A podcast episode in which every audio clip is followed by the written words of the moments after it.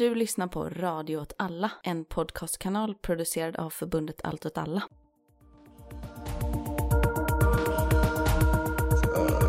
Varje morgon varför jag upp jättetidigt klockan fem. Så jag gick där i trappuppgången så tänkte jag okej om jag klarar den här trappuppgången så, Ja men jag rackar ju ner väldigt mycket på i senaste avsnittet på eh, Caroline Ringskogs bok. Ja. Eh, och så då kanske alla, då kanske ni tänker då så här, ja men eh, det är bara för att han hatar kvinnor och mammor, eh, och mammor särskilt. ja. Eh, men nu efter det så läste jag faktiskt en jättebra bok om mödraskap. Som heter uh, Anna Axfors bok. Typ eh, någonting om en dag i öknen, en plats i öknen eller någonting. Som handlar om förlossningsdepression. Mm. Jag såg en pjäs om eh, förlossningsdepression en gång som var Mm. så jävla bra. Olga Ravn, Mitt arbete. Just det. Sjukt bra var den. Ja, shit. Ja, det låter som en tung pjäs och tung bok. Mm. Ja. Ni lyssnar på Sätt att se. Och det är jag, Niklas, tillbaka i studion. Eh, vi, eh, vi spelar in det här 29 januari, precis då um, filmfestivalen har börjat. Eh, och det kommer komma precis efter att filmfestivalen har slutat. Eh, men eh, har, ni, har ni tänkt se någonting eller har ni några intryck av festivalen hittills? Nej. Eller ja, jag vet att de ska visa den här filmen Labour. Mm. Är det den prostitutionsfilm? Prostitu- Visar ja. sexarbete som queert motstånd, som det stod i programmet. Ehm, ja, det är ju synd att filmfestivalen har valt att eh, förespråka kommersiellt sexuellt exploatering. Mm. Um, ännu en anledning att inte gå och se någonting på filmfestivalen. Dels för att det inte visas någon film som är värd att gå och se, tycker jag. Men ja, sen ja, det, det är lite tråkigt att innan filmfest, eh, innan coronan så var det ju typ 600-700 filmer som brukade visas från alla jordens hörn och massa så här små länder och Mm. så här ovanliga filmer som man aldrig får tag på annars. Och sen kom coronan och då blev det ju naturligtvis mycket färre filmer. Och så tänkte jag lite att okej, men nu är det coronan slut. Nu går de väl tillbaka till det här gamla formatet igen. Men eh, nej, nu kör de fortfarande bara på ja, men typ en massa storfilmer som eh, kommer gå och se på bio eller gå och streama någonstans och som redan finns att ladda ner en massa av dem. Så att eh, det finns liksom ingen större anledning att gå och se någonting där tycker jag. Ja, jag har inte känt något, alltså nu har jag för första gången möjlighet att verkligen maxa, för första gången på väldigt länge, att maxa liksom filmfestivalupplevelsen. Men jag har inte känt eh, något sug riktigt. Uh, det är lite tråkigt. Eh, men det, det kanske är att de här, att de vill fortsätta köra på med det här med det digitala och att då kostar licenserna mycket mer typ. Ja, men det är väldigt få filmer som går att se digitalt. Ändå. Det är ju inte lika många som under coronan. Så, Nej. att, eh, ja. Men det är väl att det har gått väldigt dåligt ekonomiskt under coronan för hela festivalen, Ah. antar jag också. Så att det gör väl att de har mycket mindre pengar att lägga på att köpa in filmer, antar jag också. Kanske satsa på de större filmerna då för att det drar mer folk liksom. Mm. Tråkigt. Mm. Väldigt tråkigt. Så Mm. gå och se på Radikal filmfestival på Syndikalistiskt forum istället. Men det har ju redan varit Ja, jag vet. Men nästa år, nästa år får ni göra det. Det är väldigt mysigt att sitta här i, i studion och eh, dricka te Mm. och äta bullar. Det var jättegoda bullar. Mm. Du får hälsa den som bakade dem, Niklas, att Mm. de var förträffliga. Shoutout till Dallas. Kan jag säga. Ja, Ehm, fan. Ja, men vi skiter i att säga vilka som är här. ni, vet, ni vet vilka det är. Det är, det är gänget. Det är det gamla vanliga gänget. Det, är, ja, det är fortfarande Ellen fast jag låter så konstig. Bara förkyld igen. Mm. Och, och Leo också. Nu, nu sa vi ju vilka som var med. Fast vi inte skulle göra det. Men Anders. Nej, det är Niklas. Det är Niklas. Ja, men det känns som ett litet ljus i mörkret att sitta här. Januari känns för jävla grått och trist annars. Jag, Mm. Det känns också superhärligt att vara tillbaka i och spela in i studion. Eh, det var inte så kul att spela in eh, framför datorn. Nej, senast var du sjuk och Ja. kunde inte vara med här. Eh, ska vi köra igång? Ja. Eh, ja, det tycker jag. Vem av oss ska börja? Vill du börja? Ehm, ja, men jag kan väl börja. Mm. Kanske. Det är som vanligt lite rörigt. Mm. Trots att jag förberett det här i alltså kanske två månader. Oj, Wow. Egentligen tio år då. eftersom det är den tiden som det tog för mig att läsa de här böckerna. oj. Men eh, det är så svårt att typ sätta ihop en prata som känns liksom som har en bra röd tråd och som eh, som liksom kanske slutar i någonting där man så här knyter ihop säcken eller kommer fram till någonting eller så. Mm. Att det, jag tror att det jag egentligen vill är liksom bara att eh, diskutera lite. Mm. Så jag tycker att det är roligt. Det är en kulturpodd så det är, vi, det är lite dada. Vi Ja. kan liksom, eh, vi kan experimentera med form och Mm, tid och rum. ja. Det är lösa tyglar. Inte bara att vi släpper ett avsnitt där vi har höjt hastigheten med 300 procent. Finns det mera tevatten? Ja, det är väl det nya nu ja. Att spela upp saker på högre hastighet. Baklänges och Mm. När det kommer en sån random-funktion så man bara hör lösa klipp helt i konstig ordning. Precis. Ja, jag har i alla fall då läst tre böcker på tio år. Mm. Det här är äh, böcker av den ryska författaren Fjodor Dostojevskij. Mm. Vad har du för relation till, eh, till honom? Dostojevskij. Ja, Eh, jag försökte börja läsa den här anteckningar från ett källarhål eller vad det heter. mm, Men jag tyckte den var så sjukt jävla deprimerande så jag la av efter några sidor. ja.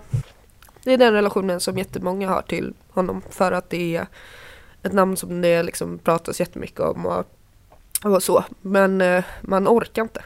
För att det är ganska jobbigt att läsa hans böcker. Även om det liksom, även om man får ut en hel del så är det, eh, men det är väl lite som att springa ett maraton liksom. Mm. För ens hjärna. Så jag har ganska länge tänkt att jag ska läsa någonting av Dostojevskij. Jag tycker ju det är rätt skoj med långa böcker. Jag gillar när man blir så indragen i världen typ. Men jag vet inte, jag är inte riktigt, eh, alltså det är ju också ganska ansträngande. Eh, så jag och sen, jag har läst en del om att det är så jävla mycket så här ryska smeknamn på folk. Så att det är jättesvårt att hålla, hålla reda på alla karaktärer för oss västerlänningar. Ja. Eh, och sådana grejer typ. Eh, så det verkar lite jobbigt. Har Är det inte väldigt många karaktärer ofta? Ja, det är med. Ja. Det brukar typ finnas så här släktträd i änden av böckerna tror jag. Mm, I de nyare utgåvorna. Ja. Inte i de här då. Det är som sådana här fantasyböcker. Mm. Det är bara Mm. Hela världar.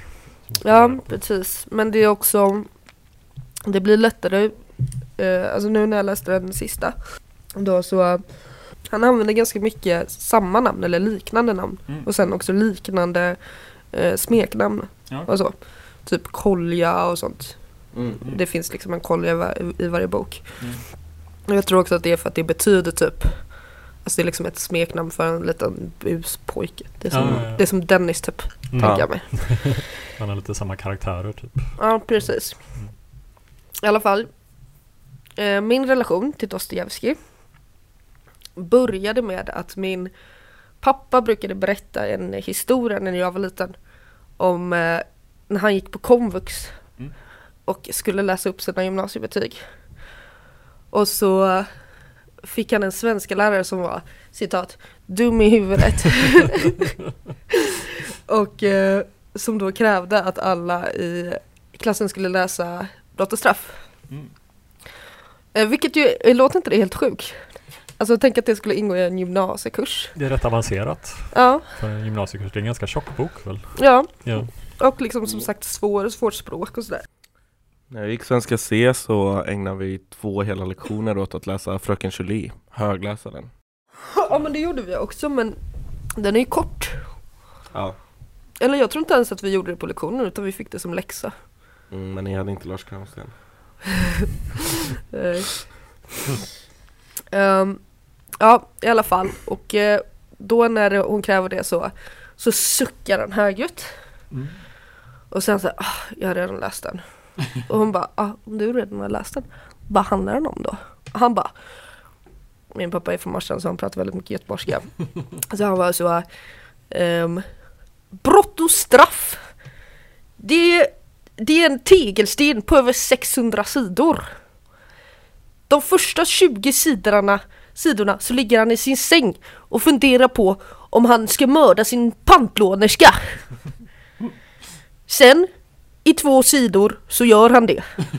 Resterande sidor så ångrar han sig.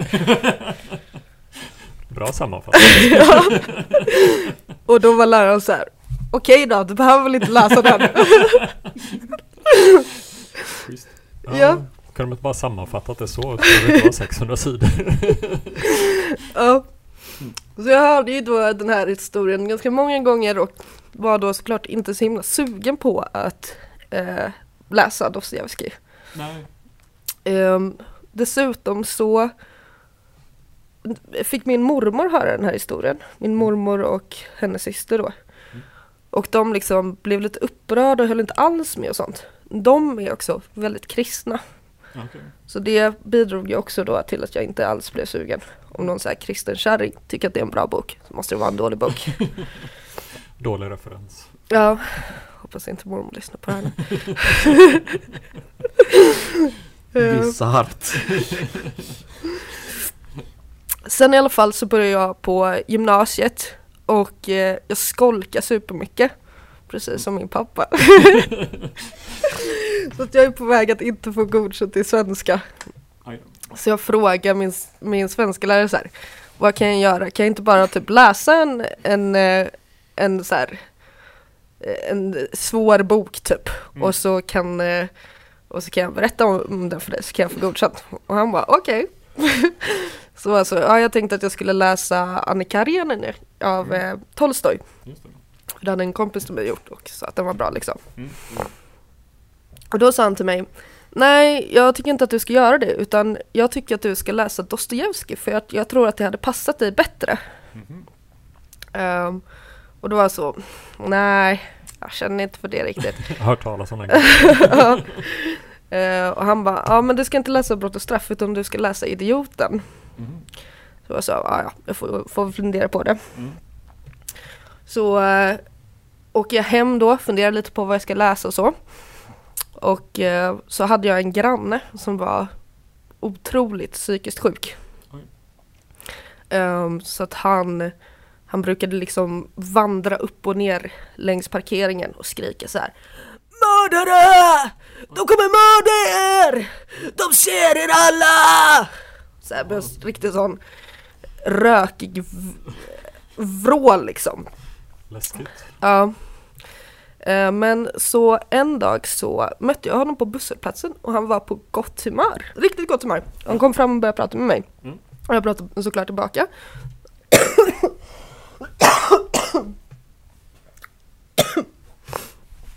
Ha med de här hostningarna. Jag tror att det kan ge karaktär till den här pratan.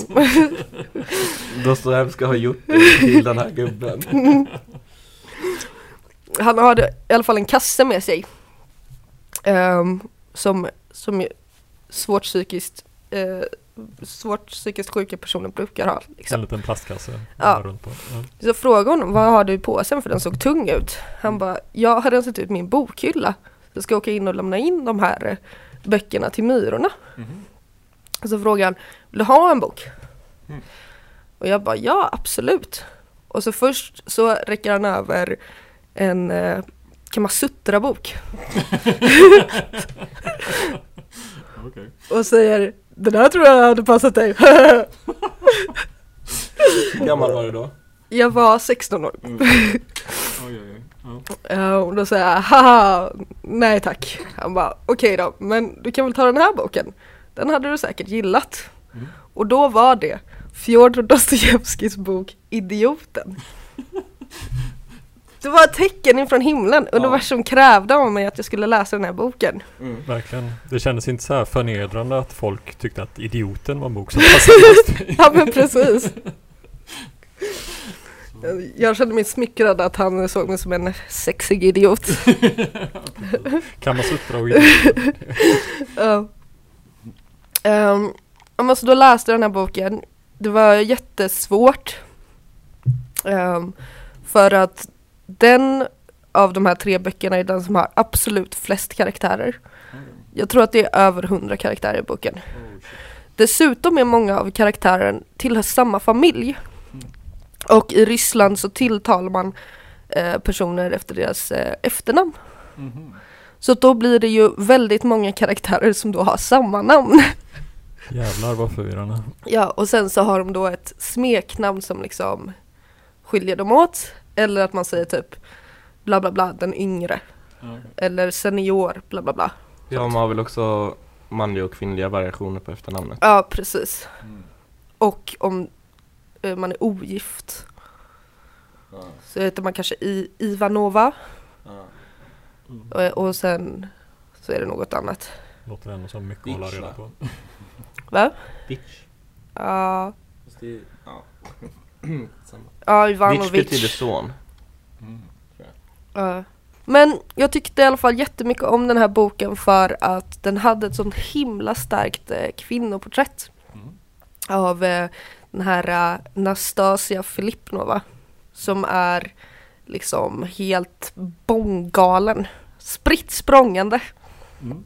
Vi får träffa henne eh, när hon sitter och eh, spelar poker. Alltså hon har kommit över en stor summa kontanter som hon har slagit in i ett paket. Och så har de bjudit in alla sina kompisar och så ska de spela om de här pengarna. Och vinnaren får allt liksom. Till slut så vinner hon det här spelet. Så hon vinner sina egna pengar liksom. Det var ju tur och skönt. Ja. Då tar hon hela paketet, bara slänger in det i elden. Jävlar. Och så skrattar hon maniskt. Haha, fuck you! Säger hon. Och sen går hon därifrån. Ehm, Det låter som en skön karaktär. Ja. ja men precis. Är det hon som är idioten? Nej, eh, idioten är eh, huvudpersonen som är först Myshkin. Och han är en idiot därför att han eh, ehm, har epilepsi. Så att han har bott typ hela sitt liv på en klinik i Schweiz. Och- Så härligt. Ja, i de. För, för att det var så man gjorde på den tiden.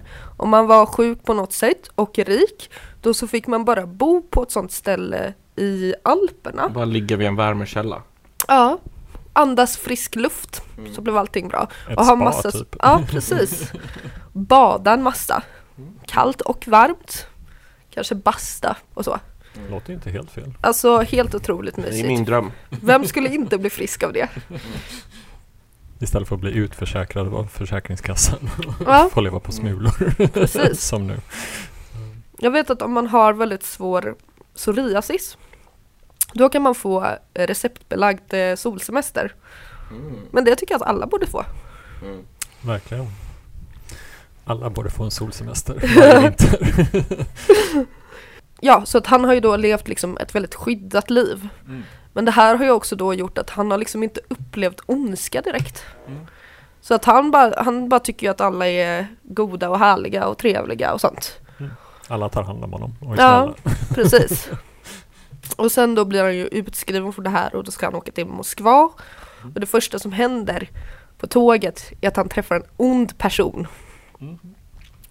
Eh, som tycker att det är jätteroligt att han är så himla naiv och typ håller på och lurar honom hela tiden. Och varje gång han blir lurad så är han bara så här: Oj, eh, det har visst skett ett misstag här. Och eh, den andra personen är så här: Jaha, oj då. Den där personen han träffar på tåget låter som mig. Varför då? Varje gång jag träffar någon som är lite så naiv så kan jag liksom inte kan inte motstå att driva lite med dem. Luras lite. Typ när man träffar ett barn. Bara är så här, jag är Spiderman. Och man bara, nej. Och man bara, jo. Okej. Mm. Ja, men jag kan förstå vad du menar. Ja. Men så han tror bara att folk, att det är ett misstag när folk är elaka eller så Ja. och gör någonting att så här, oj, det, nu har det hänt något galet här. Ja, precis. Skön inställning ändå. Ja men verkligen. Alla älskar ju såklart honom. För att han är så otroligt trevlig och härlig och sådär. Och bryr sig om alla som man blir om man lever ett, eh, ett typ skyddat bra liv. Kanske. Jag vet inte, man kan säkert bli ett rövhål också liksom. Men jag tänker om alla alltid är snälla mot en hela tiden. Om man inte är liksom omgärdad av personer som är elaka. Då borde man ju bli supersnäll. Ja, ta för givet att folk är snälla bara egentligen. Så. Ja, um, ja men så han får ju alla brudar. Inklusive den här Nastasia Filipnova. Hon galningen. Mm. Men hon är ju så här, hon är en sån galen tjej. Mm. Så hon blir naturligtvis också kär i den här uh, elaking, elakingen på tåget. Mm. Som jag inte kommer ihåg vad han heter. Ras, Rasmussen kanske. Ja, i alla fall. Eh, så det, det är väl mycket det det handlar om, att det liksom är det här dramat fram och tillbaka. Han blir också kär i en så här eh, någon typ söt och oskuldsfull tjej eh, från landet. Och eh, ja, men så till slut så eh, slutar med att de, eh, Nastasia Filipnova och eh, idioten gifter sig med varandra i smyg. Galningen och idioten? Mm, Ah, okej. Precis. Ja.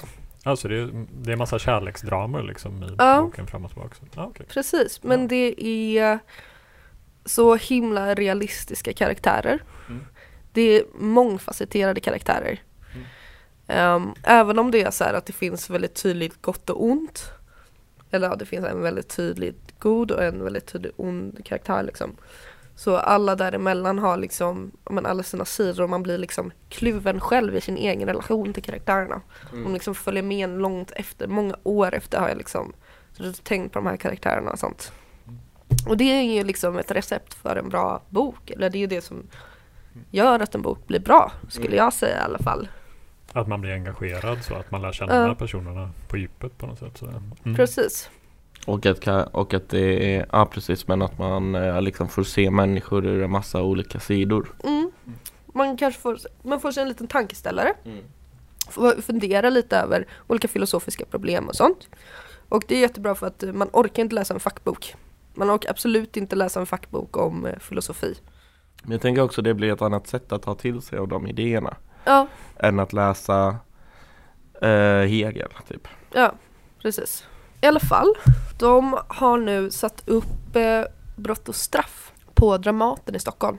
Då, då, då har det då utbrutit en eh, debatt som vi hade för nästan exakt ett år sedan tror jag. Dostojevskij bra eller dålig? Nej, Är det här med ryssar? Om Ja. man får sätta upp ryss. Ah, mig! Fan! Håller de fortfarande på med det? ja, det gör man. Samtiden. Alltså Sverige är så jävla efterblivet. Mm. Ja. I alla fall, de pratade om det här i ett program på P1 Kultur. Där de kanske, de var inte, alltså det kändes lite som att de pliktskyldiga tog upp den här frågan. Det kändes inte som att någon i den studion faktiskt tyckte att man inte skulle få göra det. Mm. Och anledningen till det är ju liksom uppenbart, alltså Dostojevskij liksom skriver ju om ett helt annat samhälle än eh, det ryska samhälle som är idag.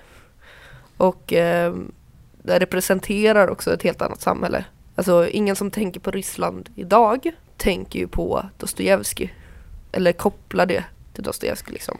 Det är som två skilda världar. Det är inom Sovjet liksom. ja, men hela liksom, grejen överhuvudtaget att man inte ska kunna ta del av rysk kultur på grund av att ryska regeringen har bestämt att gå ut i krig. Det är ju väldigt konstigt. Men vadå snart kommer de väl typ släppa en, eh, typ sätta upp en pjäs om Stepan Banderas liv? Han eh, ukrainaren som eh, mördar en massa judar och eh, polacker. Ja, ja, han nazisten som har blivit så här nationalhelgon för några år sedan. Ja i Ukraina ja. Ja, Mm. jo, jo, visst. Nej, men det är allt som... Ja, ja nej, det är väldigt konstigt. Ja, det är det verkligen. Men jag tyckte, jag reagerade på en särskild sak som hon sa. Eh, hon sa, hon pratade om karaktären Svidrigailov i eh, Brott och straff. Och säger så här. Ehm, ja, men man kan argumentera för att man inte borde sätta upp brott och straff för att den här karaktären finns och för att han pratar väldigt mycket om att man ska ha ett stort enat Ryssland under en liksom eh, mäktig stat och så. Och att ryska folket ska underkasta sig och sådär. Det är en av karaktärerna. Ja, det är en av karaktärerna då. få, få, inte ett, få inte en panikattack. Andas djupt. Så bra ja. Men eh, okej, så Mm. det är det här att man, man får liksom inte porträttera någonting som kan vara dåligt på något sätt. Det, Nej. Nej, nej precis. Absolut inte. Nej, Och det spelar, heller, det spelar ingen roll vad, den här, vad det här är för typ av karaktär. nej precis. Om Är det han- liksom en protagonist eller en antagonist? Nej, precis. Vad har han för roll i boken? Nej. Han ska inte få synas och höras eller sättas. Nej. Ja. Det är inte heller en jättestor karaktär så att jag kommer inte riktigt ihåg det. Jag var tvungen att liksom kolla upp där. Mm. Jag- hade ett svagt minne av att det är han som eh, gifte sig med eh, Raskolnikov, alltså huvudpersonens syster. Och eh, Raskolnikov hatar ju att hans syster måste gifta sig. Eh, och hans syster gifte sig bara med den här killen för att han är en så jävla fuck up som har hoppat av sina studier och nu inte får ihop några pengar så han och hans mamma måste skicka pengar till honom hela tiden som han bara slarvar bort. Liksom. alt-right kille. En incel. Ja. Och, eh, och han liksom ah, tycker det är så jävla vidrigt då att han är tvungen att se sin fina fina syster gifta sig med den här eh, idioten. Och det här dumhuvudet. liksom. I alla fall om man gör en snabb googling då som eh, jag skulle råda den här tanten i P1 Kultur att göra om vem är karaktären Svidrigailov så kan man hitta en sida som heter sparknotes.com de skriver så här Svidrigailov is one of the most enigmatic characters in Crime and Pun- Punishment. Dostojevsky leaves little doubt as to Svidrigailovs status as a villain. Så det är alltså, alltså, vad heter det? Det är alltså skurken i romanen som tycker att man ska ha ett, ett stort och enat Ryssland med liksom en allsmäktig stat och sånt. Vad tror ni då att budskapet är? Att eh, Putin inte är så bra typ. Ja. I stort sett så handlar också hela boken om att eh, om hur viktigt det är typ att förlåta och sånt. Och hur samhället måste ha liksom en förlåtande roll och eh, en förstående roll där man liksom ska sätta sig in i, nå i liksom en, en brottslings tankar och kunna förstå att en brottsling också har empati och att det fanns vissa liksom anledningar till att någon eh, gör ett brott liksom. Och vad, vad kan liksom vad kan göra att någon utför fruktansvärda handlingar och sånt? Att det är viktigt.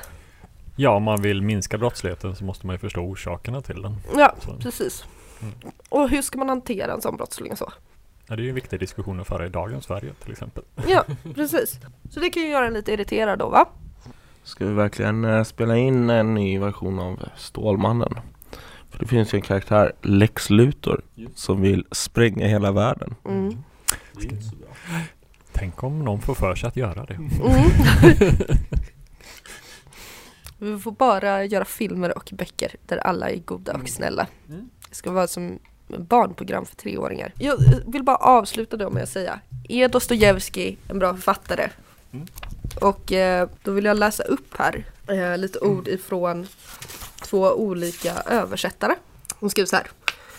Eh, Dostojevskij ruskar medvetet om språket och uppnår genom detta en intensiv förnimmelse av spontanitet och omedelbarhet som verkar mycket starkt på läsaren. Så svaret är alltså ja, Dostojevskij är en bra författare. Men också, Dostojevskij har en sällsynt knagglig och klumpig stil, oslipad och ofta till ytterlighet tillkrånglad komposition, överflöd på upprepningar och långörer. Så ja och nej. Ja, det är lite, lite både och. Every rose has its thorn. Precis. Ja men fan vad kul, tack för genomgångarna. Nu behöver jag inte läsa de här böckerna känns det Jag skulle säga om man bara vill läsa en så läs Idioten. Även fast de- den är svårast för att det är så mycket namn. Köp en bok som har ett, eh, ett släktträd i början. Ja, här sänder vi från sjuksängen. Jag tänkte snacka lite om eh, fin och fulkultur. Eh, förra året så släppte ju den här brittiska filminstitutets tidning Sight and Sound eh, sin eh, lista över alla tiders bästa filmer. Som de gör var tionde år sedan 1952. Då frågar de eh, filmkritiker, kuratorer, akademiker och massa andra eh, folk som håller på med film typ eh, om deras favoritfilmer. Och eh, förra året så bestod alla de här personerna av 1639 stycken. Och det är nästan dubbelt så många som eh, senast under den här listan 2012. Då. Och då tillfrågar de olika kända regissörer också om eh, sina favoritfilmer. Eh, en av de här regissörerna som tillfrågats var den indiska regissören S.S. Rajamoulis. Känner ni till honom? Nej. Nej. Verkligen inte. Nej. Eh, Rajamoulis är då känd för att göra väldigt så maximalistiska actionfilmer. Är det han som har gjort RRR? R. Precis. Han det är hans senaste film. Eh, Rise, Roar, Revolt står det för. RRR. Eh, den utspelas då 1920 och handlar om två indiska typ revolutionärer som slåss mot den brittiska kolonialmakten i Indien då. Eh, och det är liksom action med extra allt som spör vilken så här Hollywood action som helst. Jag har inte sett den, jag har bara sett trailern, men den lovar väldigt gott.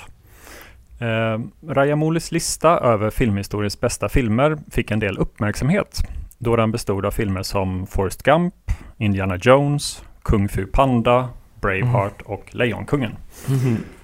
Eh, det skilde sig lite från de andra regissörernas listor kan man säga.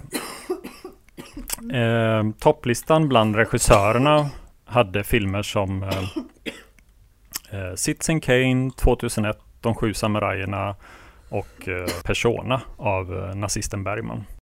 Filmen som tog första platsen på den här listan eh, en film som heter Jean Dielman av en regissör som heter Chantal Ackerman. Eh, och det är en tre timmar och 20 minuter lång film som har väldigt långa scener där huvudpersonen lagar mat, äter mat, diskar disken med mera. Har ni sett den här filmen?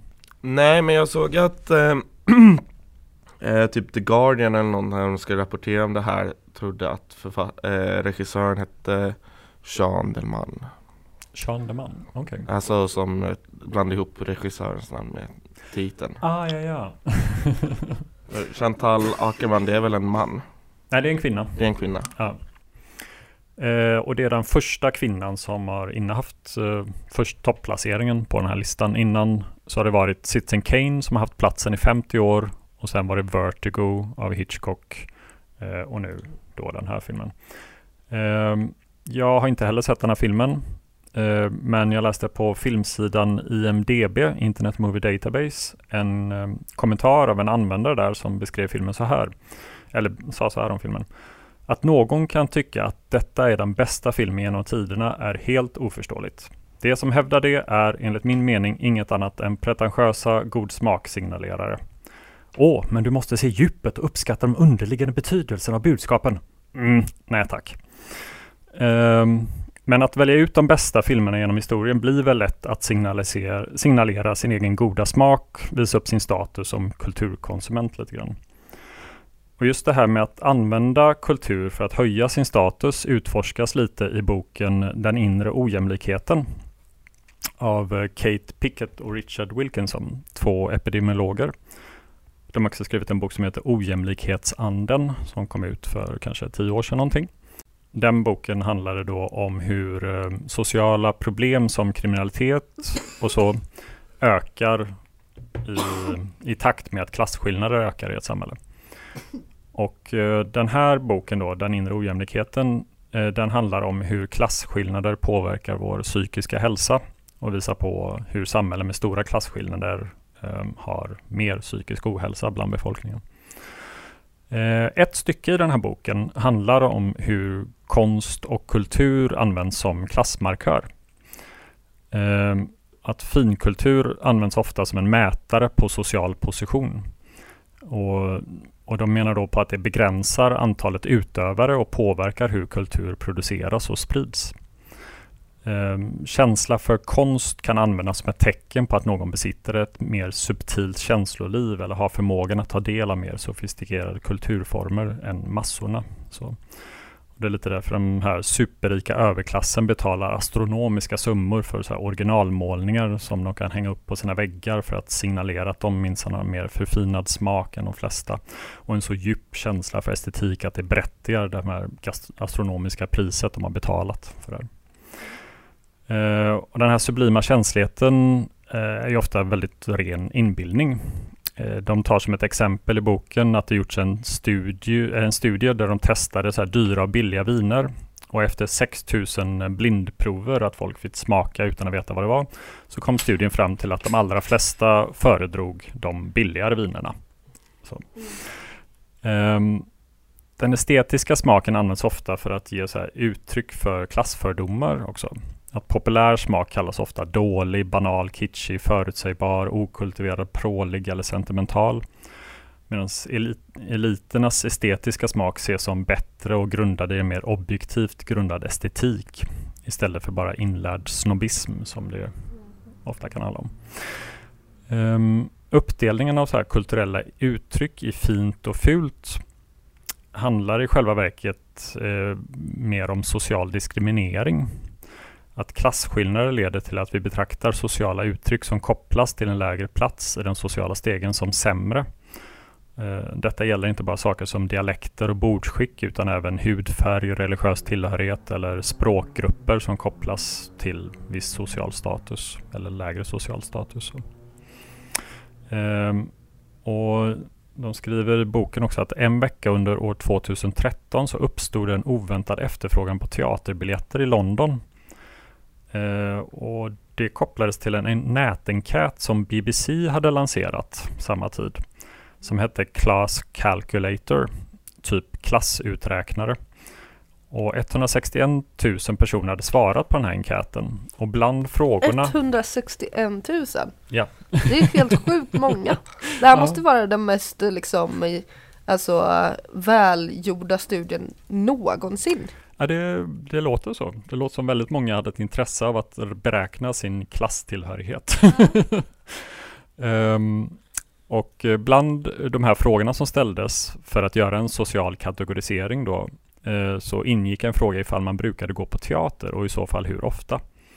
Och hos de som svarade fanns då, antar man, en stark önskan om att klicka ja på den här frågan och därmed intyga sin sociala status. Eh, vilket i sin tur ledde till ökad biljettförsäljning när alla då kom på att jag måste gå på teater. Mm. Kommer du börja höjta på teater nu? Eh, nej, jag har lämnat teatern där. det, det är nog bäst för dig. jag har inget emot teater, det är inte så. Det är bara att det kopplas till en viss klasstörighet ofta. Mm. Eh, och också klassisk musik eller opera kan ju också kopplas till social status. Eh, den här finkulturella stämpeln inom musiken eh, riskerar att begränsa den till en väldigt föråldrad, traditionell och ganska så konservativ repertoar.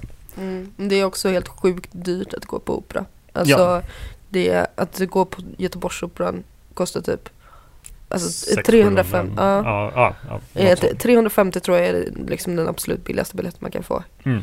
Det är mycket pengar. Ja. Och då är högst upp på den balkongen. När man typ inte ser någonting. Mm. Ja. Och då samma det... pris kan man ha ståplats på Pustervik längst fram. Ja. Så, och då är det ändå väldigt subventionerat. Ja, för halva det priset kan man ha en ståplats på Pustervik längst fram. Det på de flesta spelningar. Uh, nej, all kultur blir ju dyrare och dyrare, tyvärr. Men, uh, men när det gäller just det här med opera och klassisk musik. Så för några år sedan så satte Nationaloperan i Wien upp en säsong eh, där de framförde 60 olika verk. Och det var bara ett enda av de här verken som var skrivet av en kompositör född på 1900-talet. De flesta verken var skrivna för mellan 100 och 250 år sedan. Så inga moderna tonsättare har liksom fått någon verkligt omfattande popularitet. Eh, och detta kan ställas mot den fortsatta skaparandan inom andra musikformer. Där det går att, eh, och det liksom, utifrån det här kan man ana att den klassiska musiken hämmats av att användas som en markör för klasskillnader just liksom att det ses som mycket finare och därför anses också det som är mer äldre eh, också finare på något sätt. Mm. Och det kan man också se i den här filmlistan att för varje år sedan 52 så har medelåldern på filmerna bara ökat och ökat. Så att jag Mm. tror att 2012 så var medelåldern att det var typ 80 år gamla filmer som var medelåldern. Så här, att, ja. eh, men det var faktiskt förra året så var det första gången som medelåldern sänktes i den listan. Men det kan ju bero på att det var dubbelt så många som svarade också. På något sätt, så här att det, Men jag tänker att det typ också har med eh, alltså bildandet av ja, men en så här kulturell kanon eller vad man ska säga. Alltså så att man kan, alltså, alltså så att man kanske ehm, man har liksom växt upp med att det här är de bästa filmerna mm. Och då tycker man det sen också. Mm. Och så speciellt, och då samma sak med klassisk musik liksom att det här är Mm. Det här är vad klassisk musik är typ. Ja, ja precis. Att det, det är något som man bara får med sig och så ska det bara vara så. Mm. Inget som ifrågasätts riktigt. Ehm, men de här starka länkarna mellan klasskultur och konst blir oftast ett hinder som måste tas bort innan till exempel en tavla kan uppskattas till fullo. Så Mm. liksom att, att konst som rör vid sidor av vår djupaste mänsklighet döljs ofta bakom de här sociala formerna som eh, splittrar oss. Eh, forskning har också visat att i samhällen med större klasskillnader så är det mindre populärt att ta del av och utöva konst.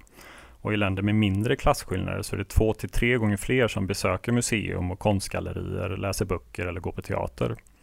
Så att konstens ställning hänger väldigt mycket samman med ojämlikheten i samhället också. Och det här fick mig att tänka på liksom hur svensk höger hela tiden vill att det ska kosta att gå på museum. Liksom, så fort de får makten så inför de att nu ska det kosta att gå på museum igen. Och det känns ju som att det kan vara ett sätt att liksom upprätthålla och förstärka klasskillnaderna. Liksom att göra konsten mer otillgänglig för den breda massan så att säga. Liksom. Att det Ja. blir ett sätt. För att jag menar högern vill ju ha klasskillnader. De vill ju att det ska vara skillnad på folk och folk. Liksom. Jag tror att högern vill att det ska vara en finstämpel på till exempel men museum då. För att eh, det liksom det sätter ett värde på kultur då. Det ska inte kunna vara vilken eh, jävla gymnasiesnorunge som kan eh, liksom svänga in där på rasten när den har tråkigt. Och sen och, och liksom kunna bilda sig. Mm. Utan det ska vara att man liksom eh, tycker att det är värt att betala för och det, det sätter en, en ton i samhället om att det är, är värt pengar på riktigt, alltså har det ett värde. Jag, jag, tror att det, jag tror att det handlar om, alltså en del i alla fall, om att eh, det typ inte längre finns någon svensk högborgerlighet och att eh, den svenska högern eh, styrs och drivs av Moderaterna, det vill säga småborgarnas parti eh, och sen då SD och småböndernas parti. Eh, och, nej men, och speciellt liksom de här småborgarna då, de karaktäriseras ju väldigt mycket av en liksom eh, Förutom en fascistisk eh, eh, Eh, nej men Alltså Småborgarklassen, alltså eh, en så här eh, Ett så här mm, Ett klassiskt ehm, drag de har Det är att de inte ser värdet i kultur och de är mycket mer så Så nära jorden typ Om man säger så. Eh, Så att, alltså då jag tror att de genuint bara hatar konst och kultur. Det är därför också Sverige är så kulturellt efterblivet. För att eh, vi eh, styrs av eh, Dumma småborgare Ja, ja, precis. Som har en väldigt så här förlegad och märklig förhållande till konst och Mm. kultur. Ja men som också Ja, men också att um, vad de skriver mer är att i mer ojämlika länder så kan konst ofta ses som det mer välbeställdas exklusiva domän. Liksom så här. Eller så anses det mindre viktigt att uppmuntra fler att ha tillgång till olika konstformer. Eftersom ojämlikhet gör statusskillnader viktigare blir det vanligare att många känner sig bortkomna och föredrar att undvika socialt exklusiva miljöer. Liksom att man vill inte, ja man känner inte att man är välkommen i de här kulturella finrummen så liksom, när det finns större klasskillnader och status blir viktigare och viktigare. Så ojämlikhet leder till kulturell utarmning av hela samhället egentligen. Och det, ja, det, det är ju svårt att säga exakt hur konst och kultur skulle utvecklas och yttra sig om den kunde frikopplas från bördan av att tjäna som markörer för status och klass. Så att I ett samhälle utan klasskillnader så skulle kanske många fler ta del av och utöva kultur och konst, vilket skulle öka skaparglädjen och leda till helt nya spännande uttryck. Förhoppningsvis, kanske. Um, och jag tänker på att i Sverige så har vi ju, ja, i början på 80-talet så hade vi ju de minsta klasskillnaderna i hela världen. Liksom här. Och vi hade ju väldigt stort satsning på att ha så kommunala kulturskolor med liksom så musikskolor och så vidare liksom som var tillgängliga för väldigt många. Och det ledde ju till en väldigt stort kulturutövande och skapade förutsättningarna för väldigt brett musicerande till exempel. Så. Och nu har det här nedmonterats under lång tid. Och kultur ska ju bli någonting som bara är till för de som har råd eller som blir sponsrade av företag eller som och vi ser ju lite vad det leder till tycker jag. Att det leder till mer likriktning, utarmning, ganska tråkig kultur och mer av samma kommersiella smörja på många sätt. Eh, lite så, lite det du var inne på också. Mm. Ja men jag, alltså, jag har tänkt på eh, två saker. Alltså dels typ den här Det här typ filtret som den här typ klass eh, eh, ja, jag vet, klass, eh, det här klasskimret som läggs på liksom högkultur och konst. Eh, Att det, alltså det är någonting jag typ kan känna igen mig i ganska mycket. Alltså jag går ju på konstskola nu och är en ganska så ibland en ganska fin kulturell kontext på det sättet. Men typ när jag eh, går på utställningar så har jag en ganska typ intrikat eh, ritual mm. för att typ kunna ta till mig av konsten. Som är typ att jag eh, Alltså framförallt att jag går nästan alltid dit ensam och lyssnar på jättehög musik. Mm. Så att jag liksom ska kunna zona ut och liksom inte typ För annars så tänker jag typ jättemycket på typ, åh folk tittar på så här, hur jag tittar på det och sånt. Att du blir för medveten om omgivningen. Ja precis. Mm. Ja men det är ett smart sätt så att du mer bara är själva känslan och det du tar in av Ja, konst. och måste liksom koncentrera mig ganska mycket för att hamna där. Men jag, jag är väl typ färdig egentligen men jag, det var två saker till som jag bara Eller en sak till som jag tänkte på Det är att uh, Ruben Östlund berättade att han blev inspirerad att göra sin senaste film Triangle of Sadness efter att ha iakttagit hur så här, eh, ganska välkända filmregissörer och filmkritiker på en flygresa, det var en massa sådana folk där som flög mellan olika filmfestivaler och någonting. Och då kollade han vad de såg på för filmer liksom. Så, och då tittade nästan alla på så här väldigt eh, lättsamma komedier, typ mm. Adam Sandler och sånt. Mm. Och att, eh, att då fick han lite inspirationen att göra något mer komiskt och inte så här eh, ja, som många så här finkulturella filmer på filmfestival ofta kan vara. Att det är ganska så här stelt, lite tråkigt, lite så här eh, ja, stiff upper lip eller highbrow som man kan kalla det. Mm. Läste du eh, jag, jag, tror inte jag pratat om det här men jag har sugit på den här karamellen ett tag. Eh, typ i december eller någonting så var det någon på DN som skrev en aslång krönika mm. om att um, att han, han är liksom en Ruben Östlund-hater, eller så här, mm. han, han gillar inte Ruben Östlund så mycket, han brukar ge hans filmer 7 av 10 mm.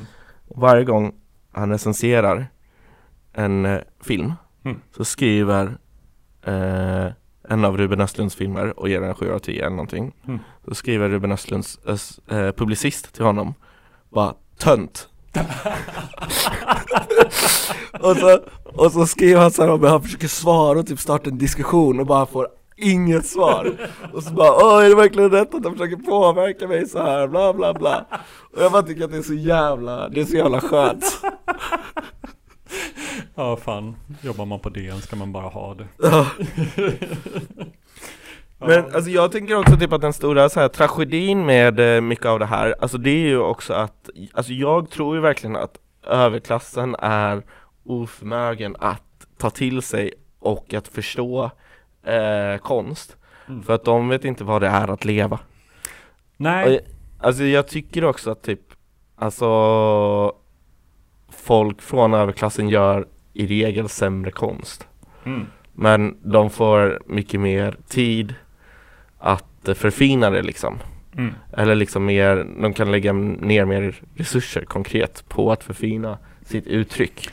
Och den kan betala andra för att göra saker åt dem. Sådana Ja. som själva kan ge ut och säga Ja. att det är de som har gjort det. Ja, så typ, alltså det finns en sån, så, många typ gamla socialister och sånt brukar prata om att så här, men bara tänk på typ alla liksom hjärnor, alla så underbara hjärnor som liksom slösas bort på att bara jobba i ett jävla pissjobb och Mm. bli skittrötta och Mm. sånt. Liksom tänk mycket så här konst och vetenskap vi hade kunnat få till Ja, om vi liksom hade, om vi hade kommunism. Ja, om vi fördelade resurserna på ett bättre sätt. Så Ja. att fler fick möjlighet att ja, vara kreativa och skapa istället. Det hade varit Mm. fint.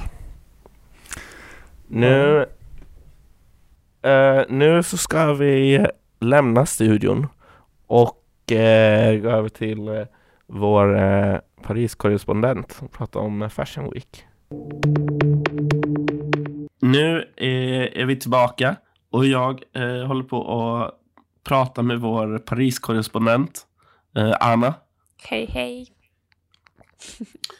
Ehm, ja, men vi ska ju prata om eh, Fashion Week i Paris Yes. som var för ja, men typ två veckor sedan när det här kommer. Eh, Ehm, det kommer också vara en mm. annan del som är typ, för att det är uppdelat, män och kvinnor. ah, Så, men det här är liksom Fashion Week ehm, säsong eller så. mm. Okej, men vad, vilken del har varit nu då? Men Ah, så the real deal börjar senare? ja, men alltså. Jag vet inte riktigt för det var också en, eh, alltså, den mest kända händelsen från den här Fashion Week. Bara en eh, Att Robert runway. Pattinson hade kjol på sig? ja, eh, jag vet inte. Men jag, jag tänker på det här Scaparelli eh, Runway. Där det var, de hade designat eh, typ några klänningar som hade som en huvud av en djur som kom ut. Ja, just Som det. såg ut som riktiga liksom, päls.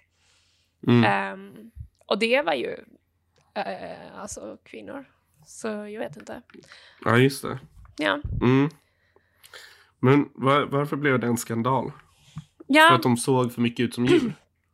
jag tycker det är ganska intressant det här för att ehm, jag tror inte riktigt att det handlade om att de såg ut som djur och att det var för att det finns liksom päls överallt i, Mm. alltså det och alla vet att det är falskt och så.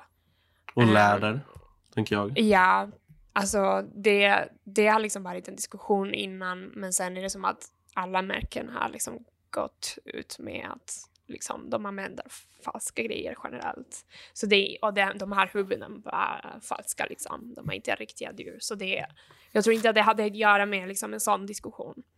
Ehm, utan jag tror att det hade mer att göra med en trend eller så.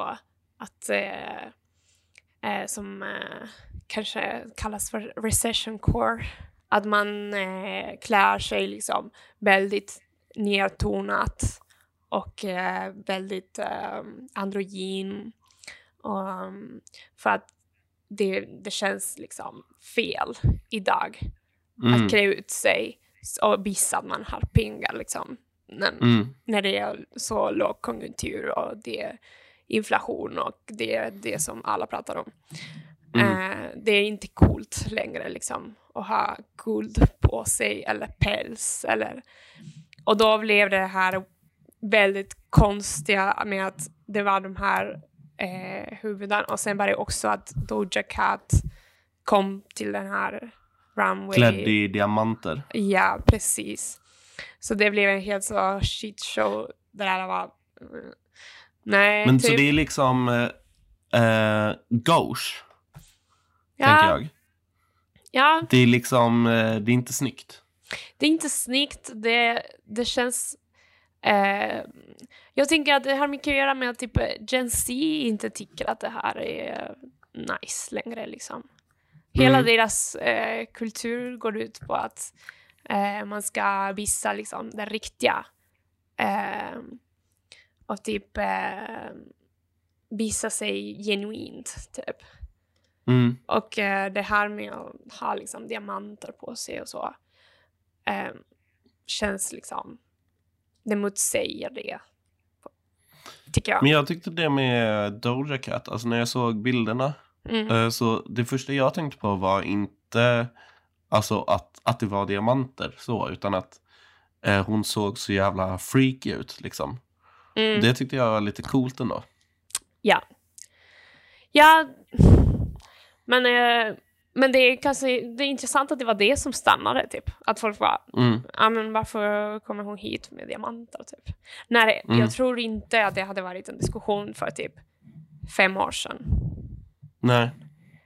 Eh, det, för fem år sedan man, man ansåg att eh, det är det som mode är till för. Mm. Ehm, men nu är det som att typ, den största typ, modereferenser, typ Julia Fox som lägger ut en video där hon visar hennes lägenhet i New York och det är typ eh, två rum och det är typ det ser ut som en studentlägenhet typ. och hon bor där med hennes son Mm. och hon liksom sover i vardagsrummet. och det är Mm. liksom, jag säger inte, alltså Julia Fox, jag kan tänka mig att hon har pengar liksom. Men hon har fattat att det är inte coolt att liksom visa att man, man är typ så rik på det sättet. Men, men oavsett, alltså det, det är att, att det känns som att typ Fashion Week på det sättet har förlorat ganska mycket sin relevans. Mm. Eh, om det någonsin var liksom relevant för någonting. Men eh, alltså sin kulturell relevans. För att det är någonting som verkligen riktar sig mot de stora märken. Det är de som får liksom spotlight. Och, Mm. och eh, det, det finns, de har inget intressant att säga om Mm. kultur. För att de ägs av två familjer. Alltså alla, alla stora märken ägs av två familjer. Mm. Så, eh, och varje gång som någon har liksom någonting intressant att säga så blir den personen utkickad ganska fort. Mm. Så det är liksom... eh, ja. Ja, men det var någonting, du nämnde innan någonting om eh, någon på Gucci. ja, Alessandro Michele. Att han, han blev utkickad. Mm. Och ehm, han, ehm, han hade liksom en slags, vad ska man säga, filosofi eller så att alla kunde vara Gucci typ. Mm. Eh, att det var liksom en stil eller ett sätt att leva, whatever. Alltså det låter ganska bullshit, men jag tycker ändå typ att det var, det fanns någonting i det för att han eh, ändrade hela liksom, Gucci-stilen till att, till att vara det här liksom lite vintage och att man liksom blandar ihop eh, ganska mycket olika grejer. Så, så det var någonting som kanske en student kan gå till en second hand och hämta lite olika saker och, och, och vara Gucci liksom. Alltså Mm. att, att, man, att, man, att man behöver inte köpa liksom en eh, Prada-väska för att ha någonting att säga om mode. Mm. Alltså att mode är någonting som, som har med en stil, ens personlighet eller eh, och är någonting som man, som man bygger ihop med andra. Och det, alltså det är kultur. Och som kultur, Mm. det är tillgängligt liksom.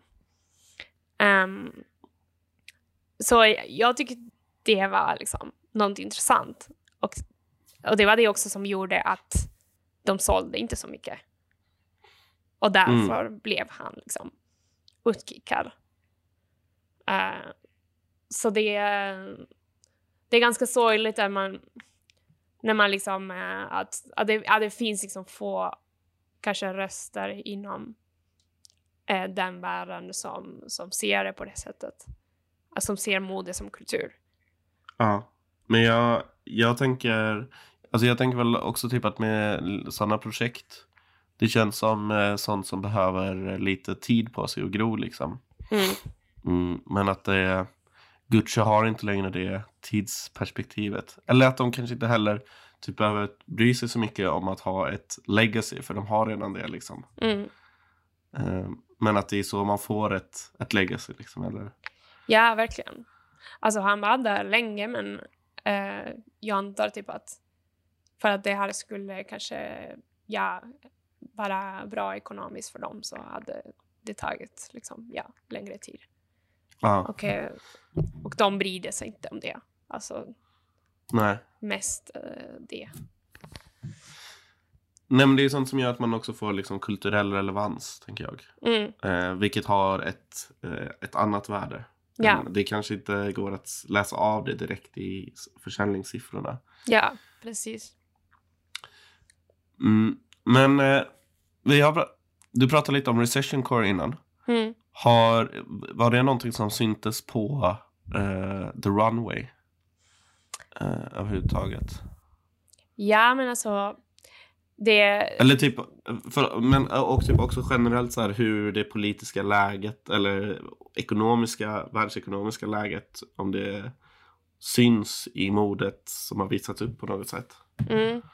Alltså det här med recession core har, alltså som begrepp, typ, har lite kommit eh, nu. Eller, eller det, det pratas om det, Det är nu. lite liksom. för nytt typ. Ja, men, men, nej, men jag menar att det pratas om det nu för att, Mm. för att det var en del av, av det som hände i, i Fashion Week i, i Paris men också i andra ställen.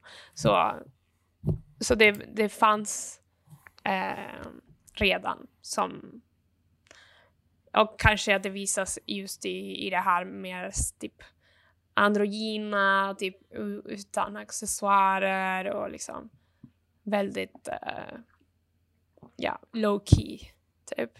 Mm. Ehm, men eh, jag är lite... Jag, jag vet inte hur, om jag skulle typ dra så många liksom, slutsatser om hur det... Eh, för att jag tror att det är någonting som kanske... Jag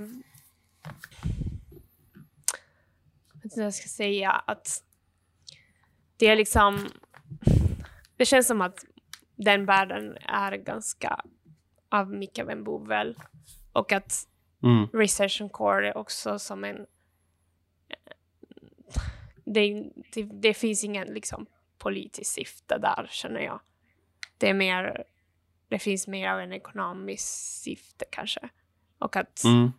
och att man eh, har liksom ändå en förståelse för typ världen och vad som händer i världen. Men, men man vill inte förstå det för att, för att förändra det eller för att man vill bara förstå det för att flera ska konsumera eller så. Så det, Mm. alltså om du ändå ska köpa någonting som, som kostar typ 2000 euro eh, så spelar det ingen roll om det ser ut som research on core. alltså det är ganska så dum grej egentligen. Mm.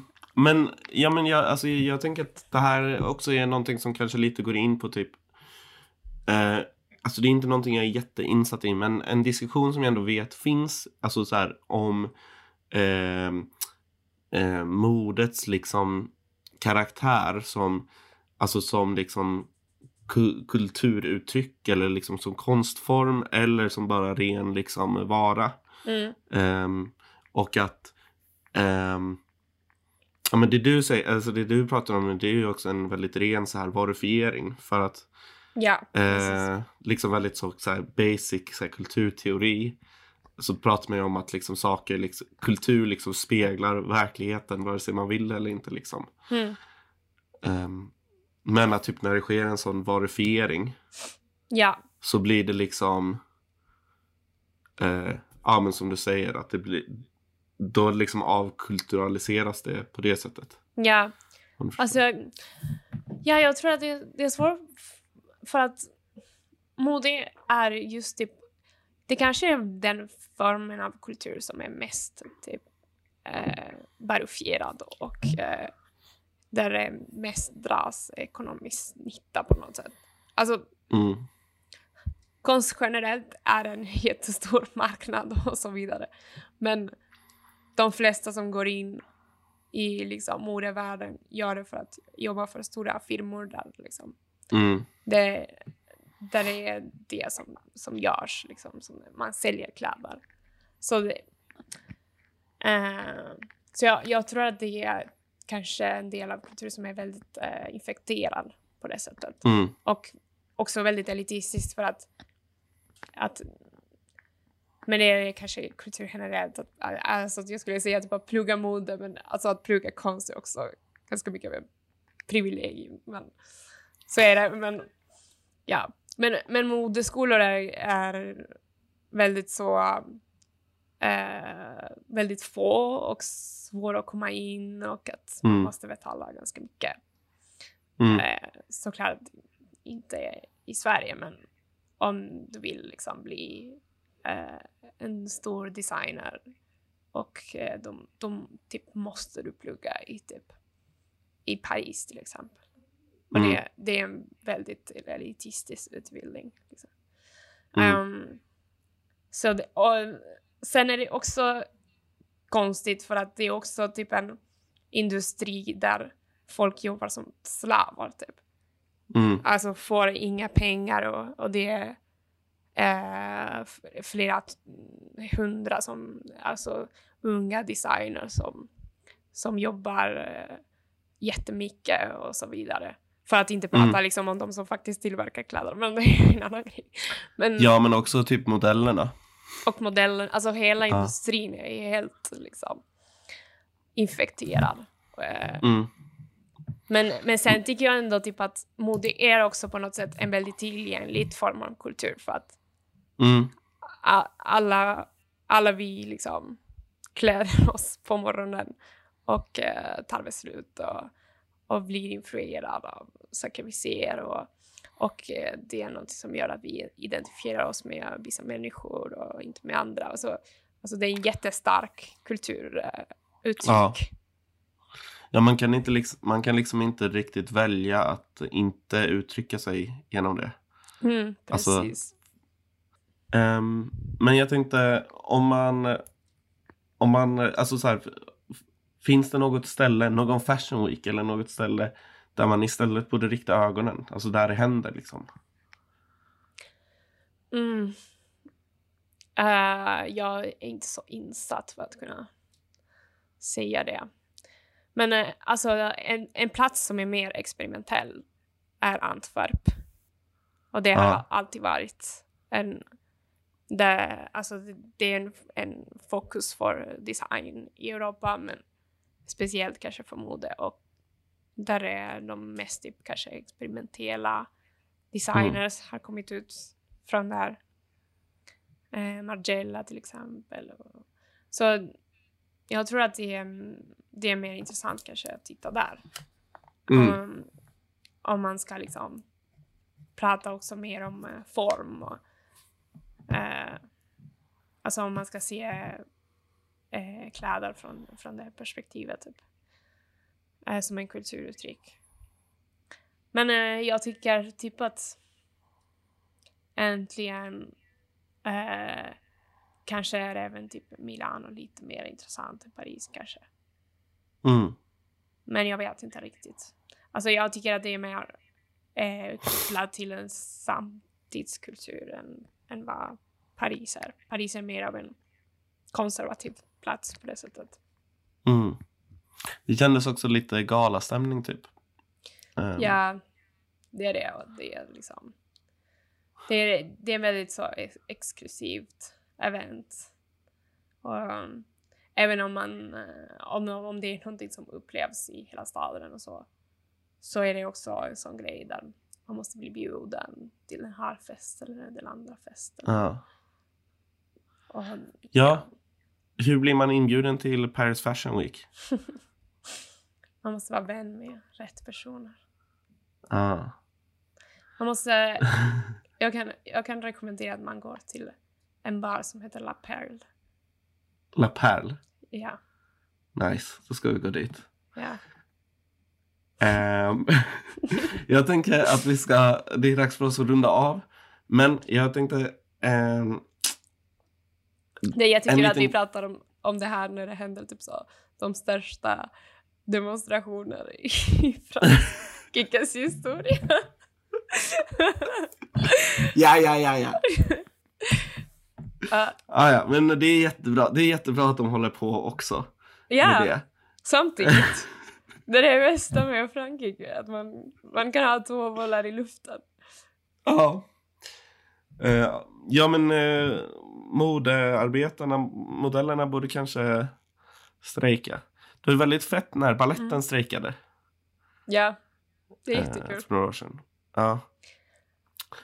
Eh, men, för det här är en, jag har sugit på den här karamellen ett tag. Mm. eh, som är lite moderelaterad.